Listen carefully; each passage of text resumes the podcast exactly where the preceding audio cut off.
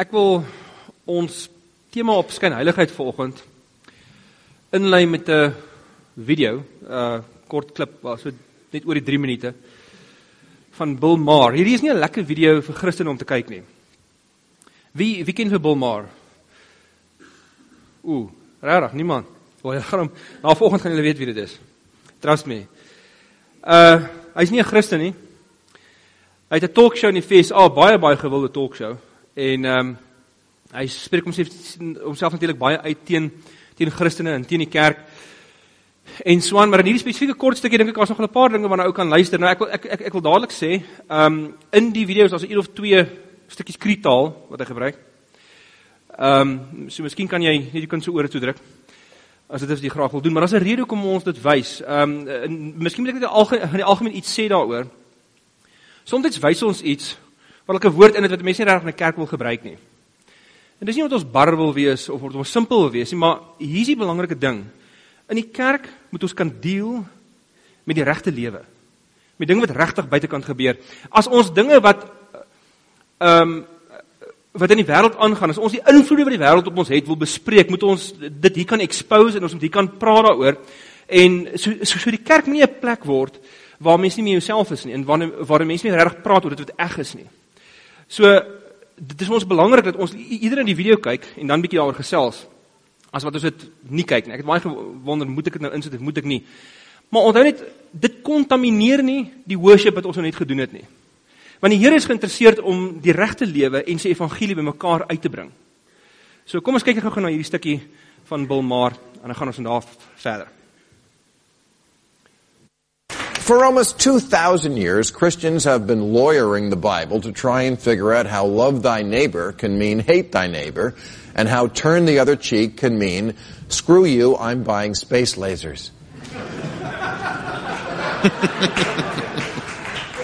Martin Luther King gets to call himself a Christian because he actually practiced loving his enemies.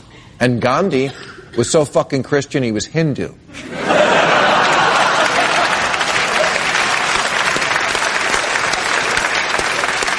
But if you rejoice in revenge, torture, and war, hey, that's why they call it the weekend. you cannot say you're a follower of the guy who explicitly said, love your enemies and do good to those who hate you. The next line isn't, and if that doesn't work, send a titanium fanged dog to rip his nuts off. Jesus lays on that hippie stuff pretty thick. He has lines like, do not repay evil with evil, and do not take revenge on someone who wrongs you. Really. It's in that book you hold up when you scream at gay people. and,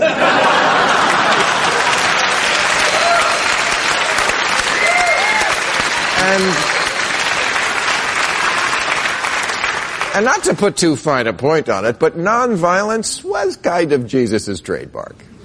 Kind of his big thing. To not follow that part of it is like joining Greenpeace and hating whales. I mean, you know, there's interpreting and then there's just ignoring. It's just ignoring if you're for torture, as are more evangelical Christians than any other religion. You're supposed to look at that figure of Christ on the cross and think, how could a man suffer like that and forgive? Not Romans are pussy, he still has his eyes.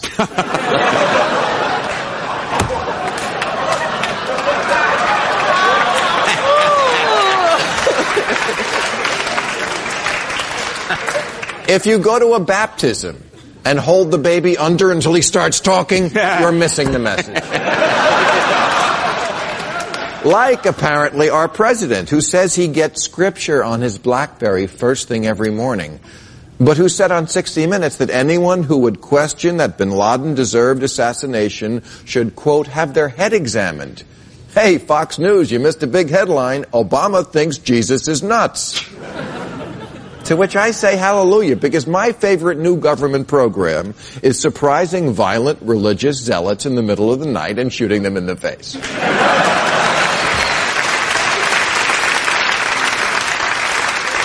Sorry, Head Start, you're number two now. but you see, I can say that because I'm a non-Christian. just like most Christians.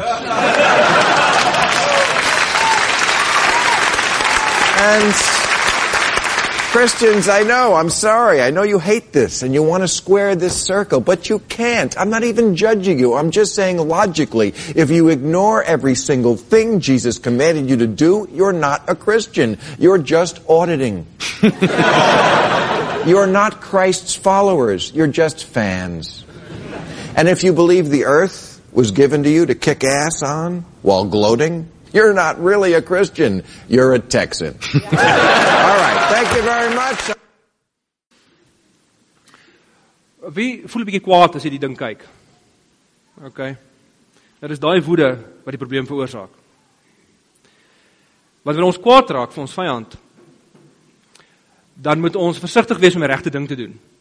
En moet ons versigtig wees om die pad van die kruis te volg. Want ek bedoel, Paulus staan op op die Areopagus in Handelinge 17 en hy is kwaad as hulle as hy al die afgoderry sien. Ons moet ook nie so kwaad raak dat ons nie hoor wat hy sê nie. Want baie keer verblind ons eie woede ons so dat ons nie regtig hoor of die Here nie miskien hierdie ateïs wil gebruik om met ons te praat nie. En dit is dan wanneer skyn heiligheid op ons deurstoep staan.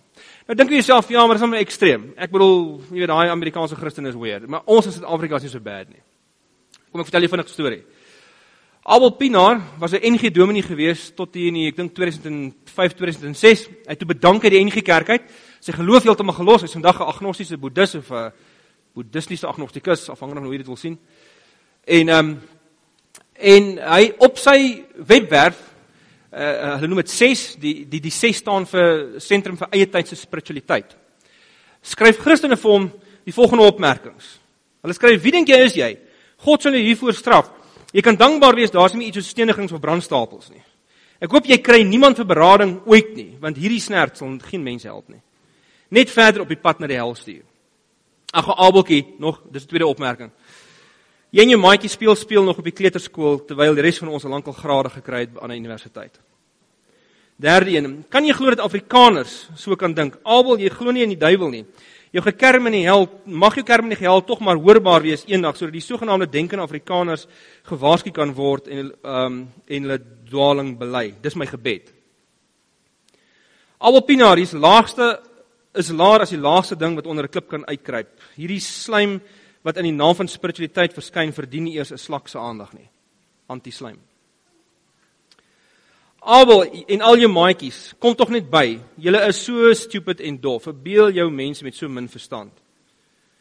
En laaste Dr Pinaar het die plot verloor en nou probeer hy met sy dwaalleringe, dwaallering volgelinge werf. Lyk my daar's 'n paar mal mense wat saam met hom die plot verloor het. Lees maar net die drek op 6. Julle klomp het die FFF plot verloor.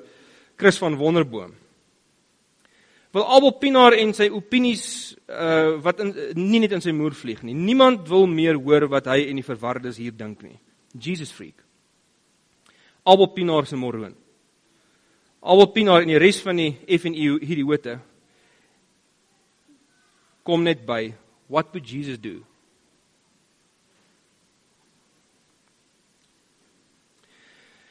So reg of verkeerd. Dis die beeld wat baie mense in die ongelowige wêreld van ons het. Partykeer is dit maar eensydige interpretasies aan hulle kant af. Ander keer is hulle reg.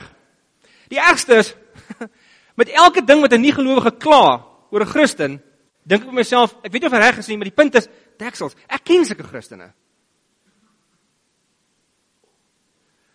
Nou, hier's die eerste belangrike ding.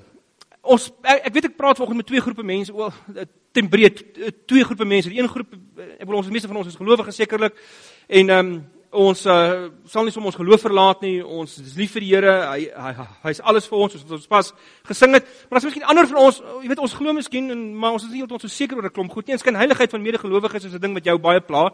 Miskien is daar 'n derde groep. Miskien is daar van julle vanoggend wat heeltemal skepties is. En wat dink nee, ek weet nie. Hierdie ding is nie vir my nie.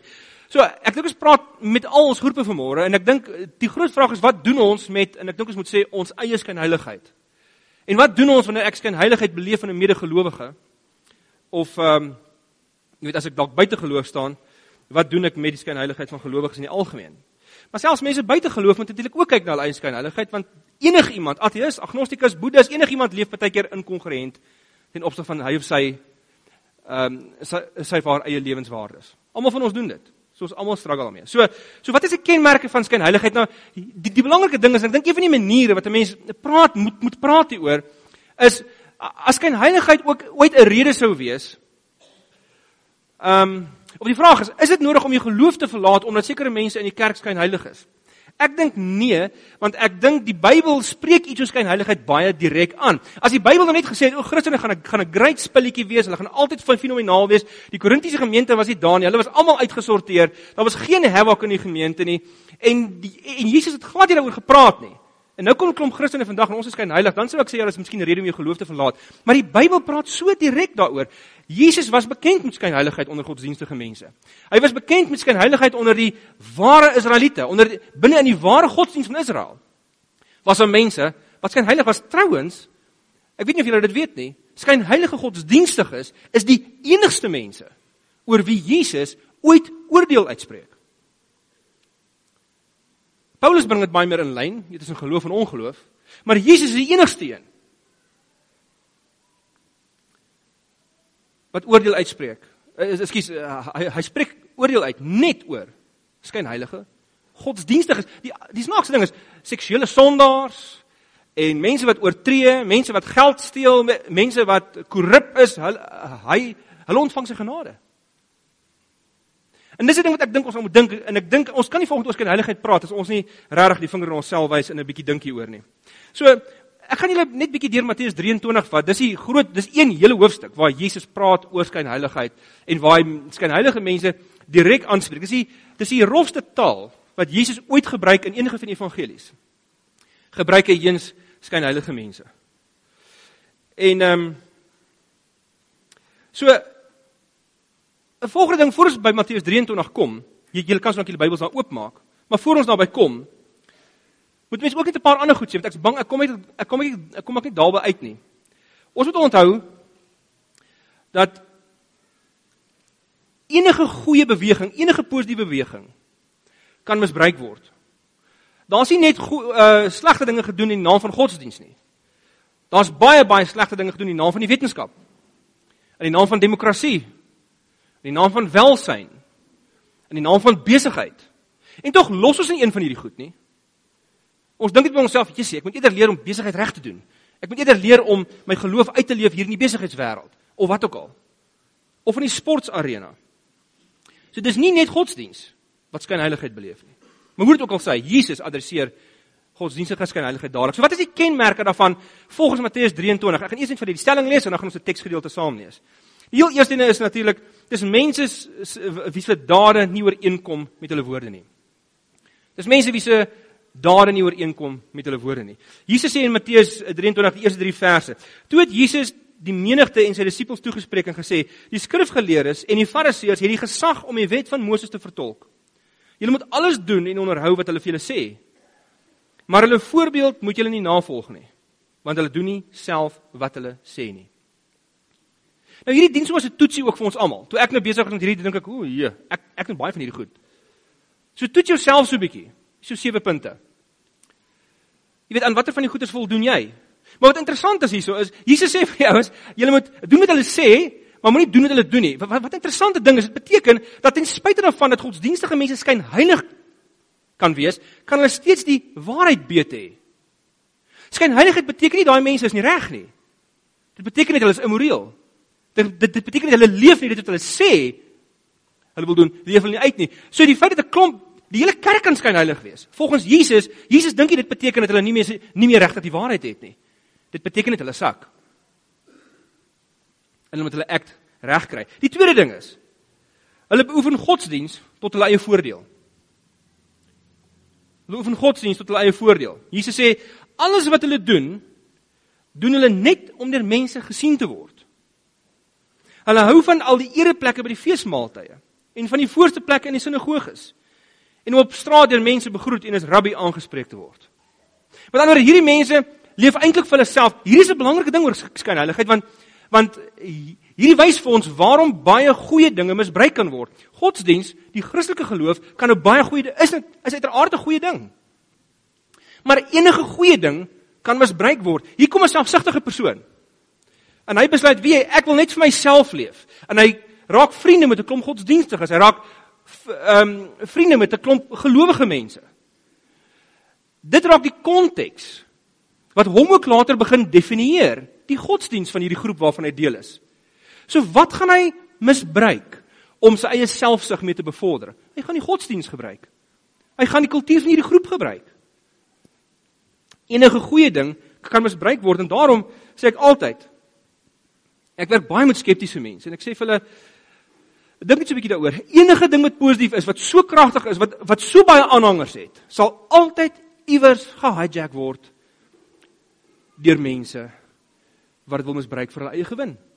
En baie van ons sit vandag hier, baie keer is dit ek. Die derde een kenmerk, hulle godsdiens is gewoonlik in jou gesig.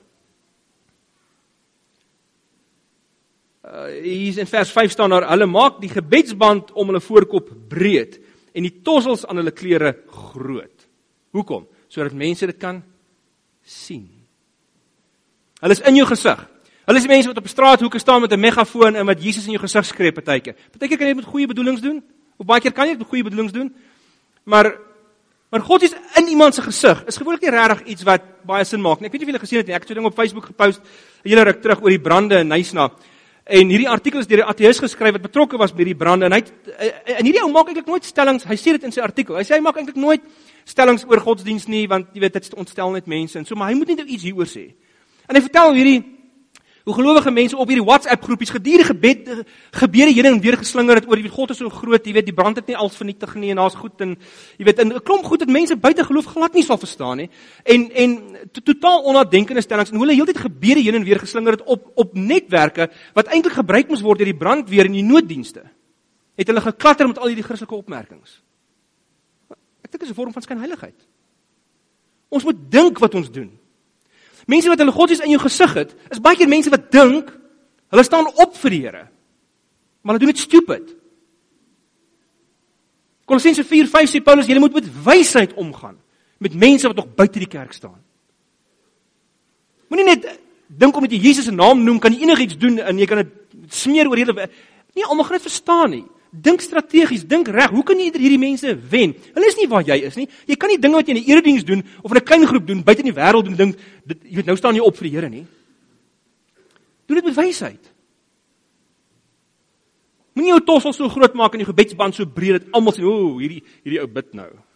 Ek was eendag in 'n Oosterlige gemeente vir Pinkster. En ek bedoel, almal wat my nou goed ken, weet hoe ryf ek nog al die jare oor Oosterse spiritualiteit en die die familiegevoel wat ek het en die waardering wat ek vir die gemeente het. Met die een dag, die een aand onthou ek 'n groep vrouens sleep my uit hier in 'n kamertjie in en uh, om vir my te bid. En uh Ja, ons bid toe nou. Ek sal niks sê oor die gebeds gedeelte nie. En ons stap toe uit en ek stap in die ding toe en die vrou sê vir my, hoorie. Ek wil jou sê terwyl jy preek, ons bid vir jou in tale, hoor. En ek het nie probleem daarmee nie, maar ek, ek die, die manier wat jy dit gesê het, het my so aanvat dink jou tossels is te groot. Chill net 'n bietjie. Dis nie reg so belangrik hoe jy bid nie. Jy hoef dit te sê nie. Bid net vir my. So is in jou gesig met hulle godsdiens en dit is gewoonlik nie lekker vir mense wat daarna kyk nie. 4. Alhoewel hulle heilig voorkom, is hulle is hulle innerlik vrot. Hier is 'n paar teksgedeelte, 'n paar teksgedeeltes. Jesus sê: "Ellende wag vir julle, skrifgeleerdes, fariseërs, heiligelaars." Dan kom die oordeel, né? Nou dit gaan dit gaan swaar gaan met julle. Ek kry hulle jammer, sê Jesus eintlik vir hulle. Julle maak die buitekant van die beker en die skottel skoon, maar binne is julle vol hebsug en onmatigheid. Blinde fariseer, maak eers die binnekant van die beker skoon, dan sal sy buitekant ook skoon wees. Op 'n ander plek net 'n vers verder sê hy: "Ellende wag vir julle skrifgeleerdes en fariseërs, heiligelaars. Julle is soos witgepleisterde grafte." Wat van buite mooi lyk, maar binne vol doodsbeener en allerlei onsuiverheid is. Jy sien, hierdie mense, hulle hulle klem op hulle verhouding met die Here. Hulle klem met hulle met ehm um, in die oefening van 'n godsdiens is baie subtiel aan aan die buitekant. Hoe dinge lyk, hoe dinge voorkom. En binne-in gee hulle nie baie aandag nie. Nou moet ek vir jou dadelik vra, o, so het hulle nie gebid nie. Nee, nee. Hierdie is 'n interessante ding. Gebed maak nie minder of meer skynheilig nie. Mag ek vir jou geskok wees om dit te hoor. Die voorbeelde wat Jesus baie keer noem oor skynheiligheid het juist te maak met gebed. In Matteus 6 dan sê hy moenie soos die skynheiliges bid nie. Met ander woorde, skynheilige mense bid ook. As jy skynheilig is en jy's 'n persoon wat bid en regverdig jou gebed net jou skynheiligheid. In Lukas 18 dan praat dan dan gee ons die gelykenis van die fariseer en die tollenaar wat langs mekaar staan, albei bid. En die een sê hy se saak is glad nie met God reg nie. Dan word Jesus sê hy mis die koninkryk. Hy bid hoeveel keer 'n dag? Nie die arme gebrokene wat vanuit sy gebrokenheid bid. Hy is die een wat God vind. En hy is die een wat hom ken. So hierdie mense gee nie baie aandag aan hulle innerlike wêreld nie. Nou, nou jy moenie net in jou innerlike aandag gee nie, jy moet aan beide aandag gee. Jou innerlike wêreld en jou uiterlike wêreld moet kongruent wees. Dit moet een lewe wees. Nie twee nie. Maar hierdie mense gee grootendeels aandag aan hoe hulle buite voorkom. Die vyfde enetjie is hulle beklemtoon godsdiens sonder liefde. Godsdiens sonder liefde. Ellende wag vir julle, skrifgeleerdes, fariseërs, heiligelaars. Julle gee tiendes van die kruisement aan en Koljander, maar wat volgens die wet van God die swaarste weeg, laat julle na geregtigheid, barmhartigheid en betroubaarheid. Juis hierdie dinge moet 'n mens doen en die ander nie nalat nie. Sy sê moenie ophou met julle godsdienstige practices nie, met julle die dinge wat julle doen nie. Dis nie dat dit verkeerd is nie, maar as jy dit doen sonder liefde, mis jy die hele doel van godsdiens. Nou ek gebruik nou godsdiens soos wat Jesus die woord gebruik het. Nou ek, ek praat van van die Christelike geloof pertinent. En dis baie baie ander godsdienste het liefde natuurlik ook ten doel. Baie ander godsdienste. En party van hulle is baie beter as ons. So fokus op die innerlike en fokus veral op jou vermoë om lief te hê. Ons is rukkie terug ons uh wel afgelope kwartaal het ons Johannes die Johannes evangelie gedoen uh by Onroet. En Johannes is ek bedoel al vier evangelies hele wel die hele bladsy van die Nuwe Testament praat oor liefde soos dit Bill Maar vir ons vir ons uitgewys het. Maar Johannes is die een wat die meeste die mees eksplisiete taal gebruik en wie as jy vir enige evangelie skrywer dink ek of 'n Paulus of enigiemand hierso hier voor sou staan en hulle sou vra Paulus of wie ook al Johannes wat is die een ding wat ons moet doen in hierdie gemeente om herlewing te bring om om om nuwe lewe te bring wat, dan sou hy sê hm leer mekaar lief te hê OK, strategie vir volgende jaar 2018. Leer hoe mekaar lief te hê. Ja daarna?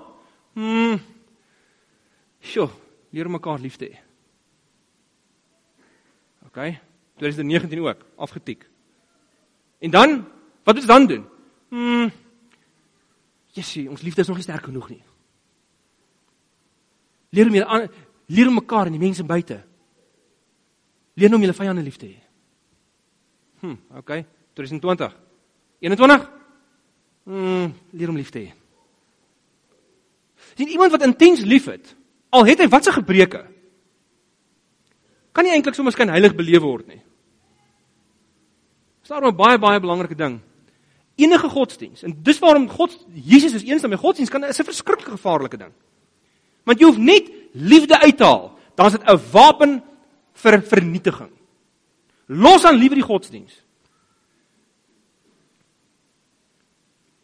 Los dan liewer die uiterlike skyn. Los die Bybelversies. Moet dit nie post nie. Haal jou bumper stickers van die kar asseblief. Dis in jou gesig tipe Christianity. Vergeet van daai goed. Dit dit dit raak geen mens aan nie.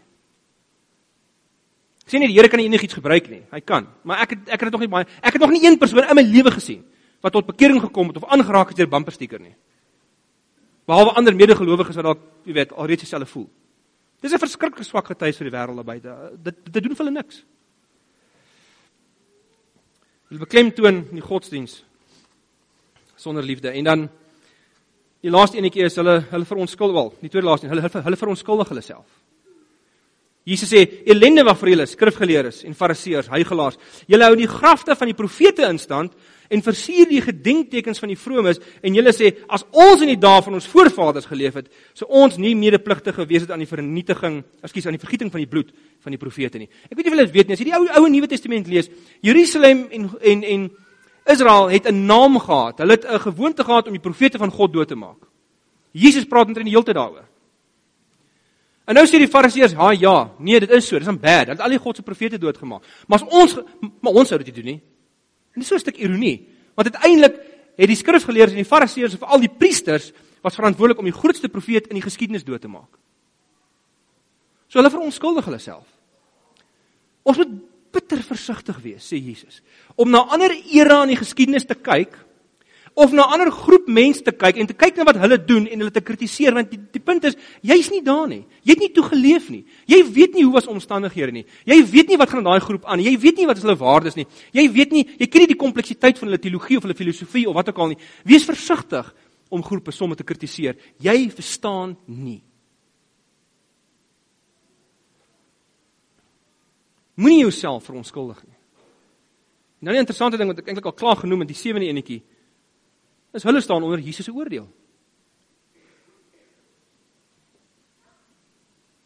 Ellende wag vir hulle. Nou, gou 'n paar woorde aan skeptiese gaste vanoggend hierso. 1. Indien skyn heilige mense jou gemoed ontstel, is jy in goeie geselskap. Hulle het Jesus net so ontstel. Jy moet bereid wees om so na in die Christelike godsdiens en Christelike geloof te kom dat jy die onderskeid sien tussen 'n uh, 'n rou godsdiens en 'n uh, 'n godsdiens waar Jesus die sentrum en middelpunt is, waar liefde en genade in en barmhartigheid die middelpunt en die sentrum van 'n godsdiens probeer wees. So, jy's in goeie geselskap. Jesus praat hy praat ook oor hulle. Alle goeie dinge word misbruik, ook goeie godsdiens. Dit het ons reeds mekaar gesê. Alles wat goed is, kan misbruik word. Die feit dat iets misbruik word, maak nie dat die inhoud van wat hierdie mense sê foutief is nie. Trouwens, dit hier wat ek nou sê is nie 'n 'n Christelike stelling nie. Dit is 'n baie algemene filosofiese ding. As jy kyk na analitiese filosofie, dan kry jy een een vakdissipline wat jy noem kritiese denke. Kritiese denke. En in, in kritiese denke leer hulle vir jou hoe om logies te dink en hoe om denkfoute te vermy. En een van die denkfoute wat jy moet vermy is om 'n beweging af te skiet op grond van die swak verteenwoordiging van sommige van sy lede. Dis een van die denkfoute. Hulle sê jy kan nie net 'n ding afskiet inhoudelik omdat party mense dit misverteenwoordig nie, want jy gaan altyd misverteenwoordiging kry. So dis 'n ding waar ons moet dink. 'n Derde ding gaan jy toelaat dat onvolwasse skynheilige witgepleisterde grafte jou ontneem van wat eksistensieel betekenisvol en ewig kosbaar is. Ek sou nie as jy was nie. Jy skiet jouself van die voet. Doen liewer wat die mense sê, maar moenie doen wat hulle doen nie. So dit lyk vir my Jesus het skynheilige mense aanvaar as deel van die geloofsgemeenskap. Hy het hulle duidelik op hulle plek gesit. En as 'n mens iets soos geen heiligheid sien met jy dit doodklap net daarmee, moet jy te verbaas wees as jy dit teekom nie. Ook nie in jouself nie. Veral nie in jouself nie. Ons ken onsself die beste en ons weet, elkeen van ons wat onsself goed ken, weet dat ons baie keer skyn heilig is. Toe ons ruimse geplant het, het ons uh, in ons uh, gemeente bekendstelling seminar waar jy na dit vir mense vra om die wat wil om lidmate te word het ons 'n groot ding op PowerPoint gehad wat ons het gewys hier ons wil hierdie vir julle sê wie is ons as Rymsig. Ons 'n paar punte. Ons is onvolmaak. Tweedens vol foute. 3 3 en 3 uh, skynheilig. Dis ons. Ons wil dit nie wees nie. Ons kan nie help nie. Ons probeer baie hard, maar ons ons sukkel as ons ons ook kyk dan spring skynheilig op. So moenie by ons aansluit vandag. En na 3 jaar vir ons sê my hele klomp is skynheilig. Ek ons sien nou vir jou ons is skynheilig. So weet dit. So hoekom dan deel van 'n kerk wees? Ek kom nou daarby. Pos dit net so bietjie. Net gou eers ietsie anders. 'n Woord aan ons almal. Ons kan dit ook as 'n toetsie sien. Hoe hoe weet ek ek begin skyn heilig raak? Hoe kan ek my eie skyn heiligheid 'n bietjie help? Daar's 'n paar vrae wat jy vir jouself kan vra. Ah, dit is baie vrae. Ek gaan net vir ons drietjies noem. Die eerste enetjie is: Raak jy geestelik oneg? Wat ek bedoel daarbey is, voel jy jou innerlike wêreld en jou uiterlike wêreld begin in konflik staan met mekaar. Met ander woorde, as jy by by geestelike mense kom, moet jy probeer om meer geestelik oor te kom as wat jy weet jy regtig aan die binnekant is. As jy so 'n bietjie aansitterig is, dan beteken dit, hm, as ek 'n bietjie stukkies kan heiligheid. Tree jy anders op in 'n besigheidsvergadering? As hier. Daar sê jy shit, hier sal dit glad nie sê nie. Tree anders op. Innerlik oneg, raak jy geestelik oneg. Tweedens raak jy meer ontoeganklik vir mense buite die kerk, vir immorele mense. Met ander woorde, hoe toeganklik is jy vir mense wat heeltemal 'n ander moraliteit het as jy? Hoe toeganklik is jy vir mense wat ander opinies het as jy? Vind iemand wat 'n vreemde opinie het, wat drasties verskil met joune. Of wat jy weet, syp en hoer en moer en te kere gaan, uh sal so 'n persoon tuis voel by jou om met jou te kom praat oor hulle lewe. Dit beteken ook jy's 'n bietjie ontoeganklik vir mense. Derde enetjie. Meet jy jou groei aan oppervlakkige maatstawwe? Mense meet hulle geestelike groei baie keer aan gebed. Ek bid elke ja, hoe gaan dit met jou geestelike lewe? Nee, great. O, hoekom? Wat doen jy? Nee, ek bid gereeld. Ek voel connected met die Here. Okay, wel dit dis nie jy weet ge, gebed is nie 'n maatstaf nie. Uh, dit mag baie van ons skok. Want soos ons net gesê het, skyn heilige mense bid ook. Baie mense bid. Dit maak hulle nie heilige mense nie. Nou, ons kan nie geestelik groei sonder gebed nie. Gebed is die hart van ons spiritualiteit, van ons koneksie met die Here. Maar as miskien heiligheid kom, moet ons bietjie anders dink hieroor. Natuurlik moet ons bid ook. Waarom meet ons ons eie ontwikkeling? Wat het Jesus gesê? Hulle het hom gevra. Wat is die belangrikste? Waar moet ons osself meet? Wat is die grootste gebod? Moet in gebod het gegaan oor oor meetbaarheid. Hier hierdie ouens, hierdie fariseërs, hulle hulle het hulle self gemeet. Hulle het elkeen op die Sabbatdag, as hulle terugkyk oor die week wat verby is, dan meet hulle hulle self. Hoe vorder ek? En Jesus sê hier's waar jy jouself meet. Liefde vir God en liefde vir mense. En hierdie twee gebooie staan gelyk aan mekaar.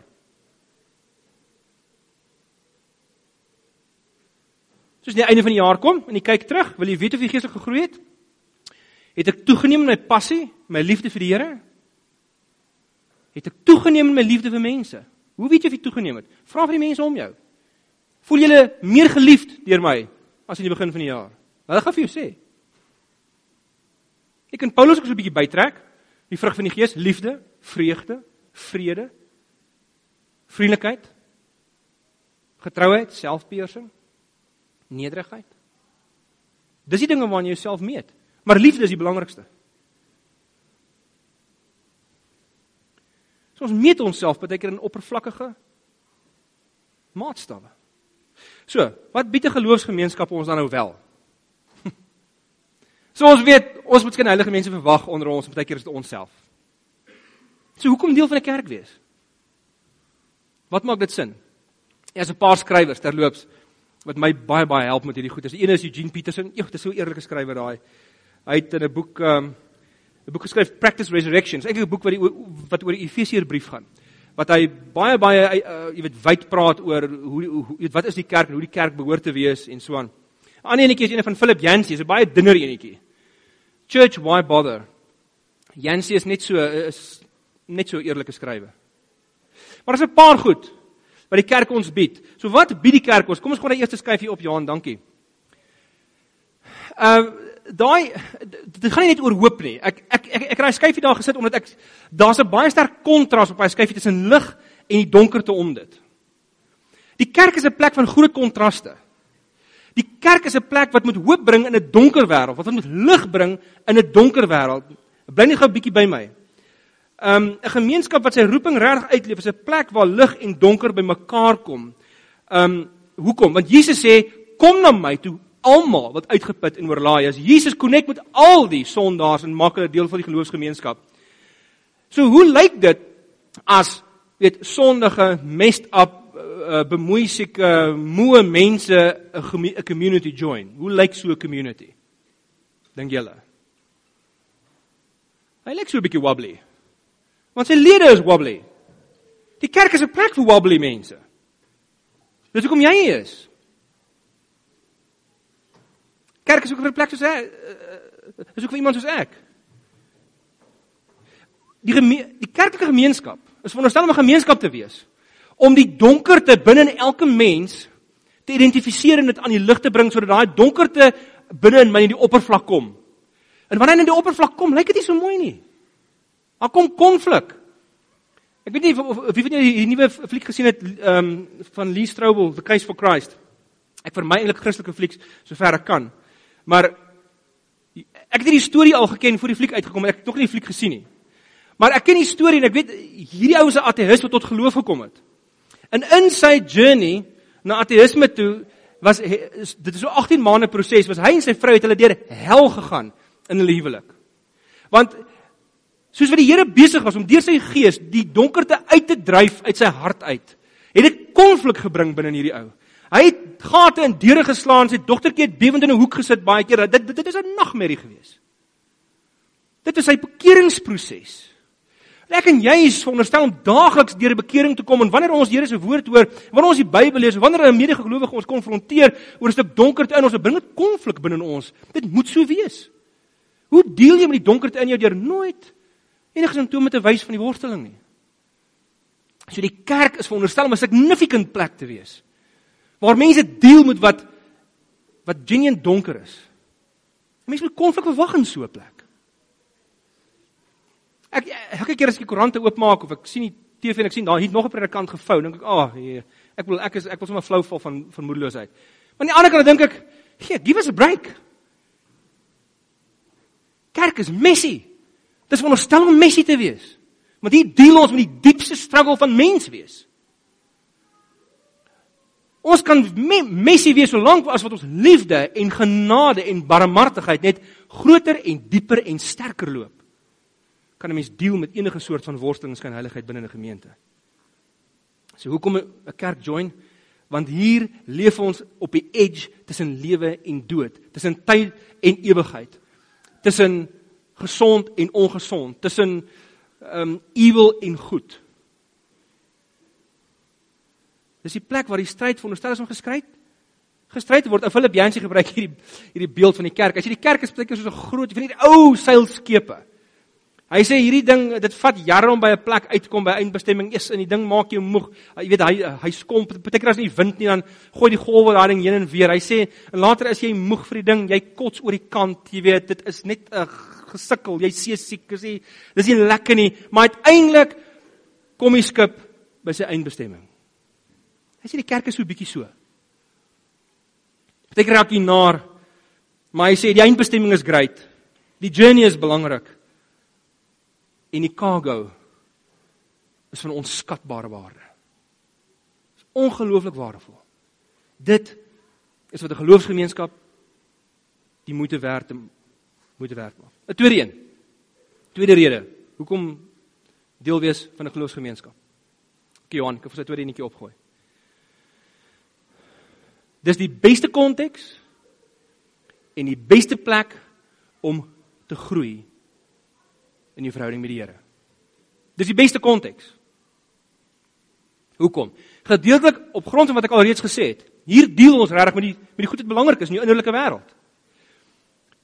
Maar as jy jou karakter wil laat groei, die kerk is nie altyd 'n great plek nie. Maar as jy wil groei, as jy wil leer hoe om te vergewe, as jy wil as jy kapasiteit jou kapasiteit tyd om lief te hê te wil vergroot.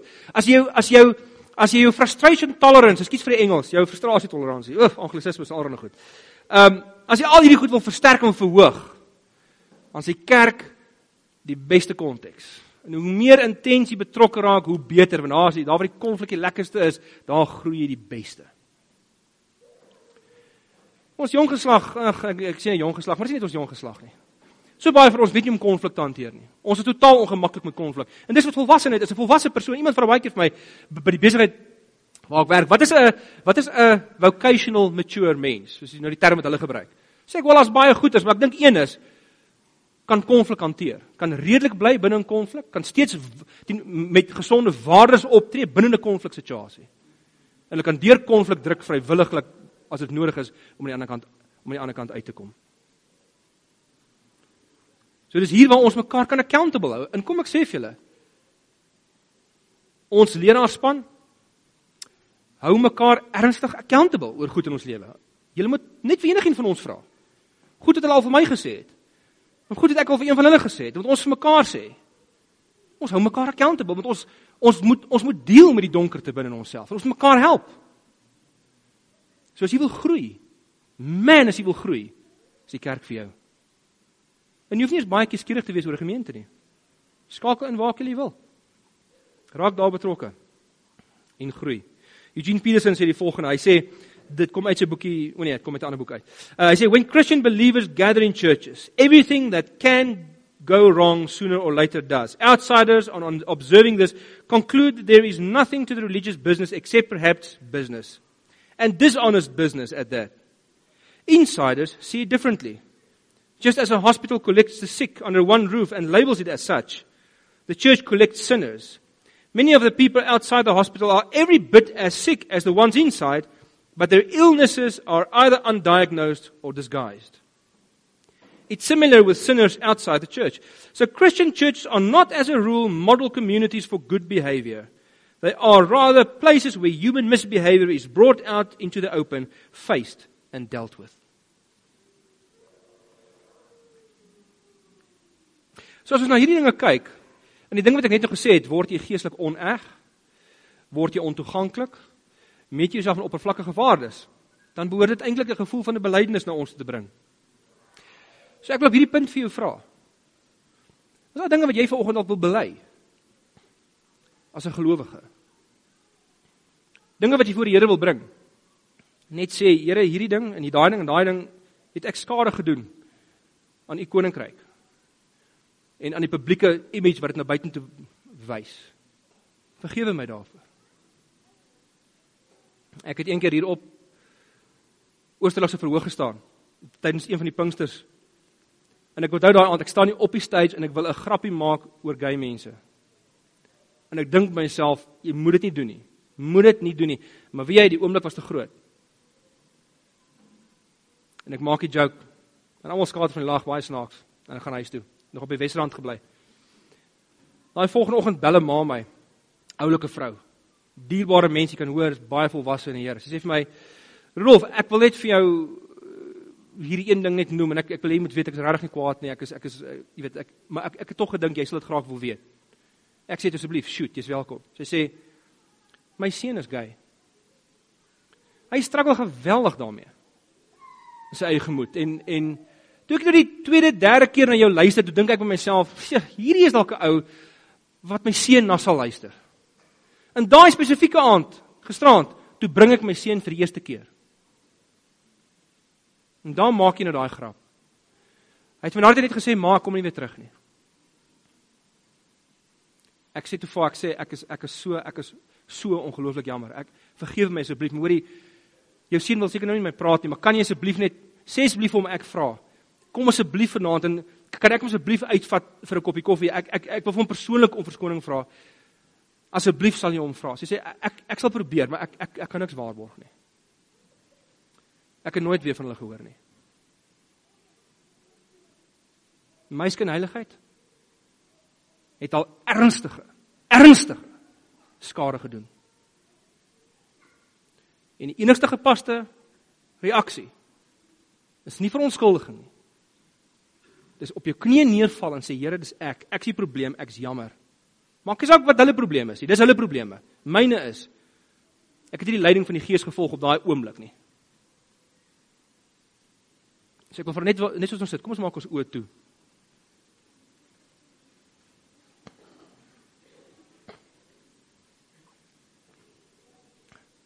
Ewene Here, ons kom vanoggend na U toe as 'n as 'n community wat u liefdesidentiteit dra vir wie u lief is. Dankie vir u liefde. Maar ons kom ook vanoggend hier toe as 'n gebroke community, Here, wat en gebroke individue, mense wat droog maak, mense wat mense seermaak. En Here, ons wil vanoggend as 'n community vir u om vergifnis vra. Elkeen van ons wat hier sit word geken deur u. Ons ken u ken elkeen van ons se harte. En u weet waar dit ons droog gemaak. Ons bid u vergifnis af. Terwyl jy so met julle oë bly toe sit. Jy kan self net met die Here praat in die volgende minuut of wat. Vra vir hom om verskoning en vergifnis. Here, dankie dat U 'n God van genade is. Help ons om 'n community van genade te wees. Dankie dat ons die vergifnis kan ontvang. Dankie dat ons dit ontvang het. Ons eer U daarvoor in Jesus naam. Amen.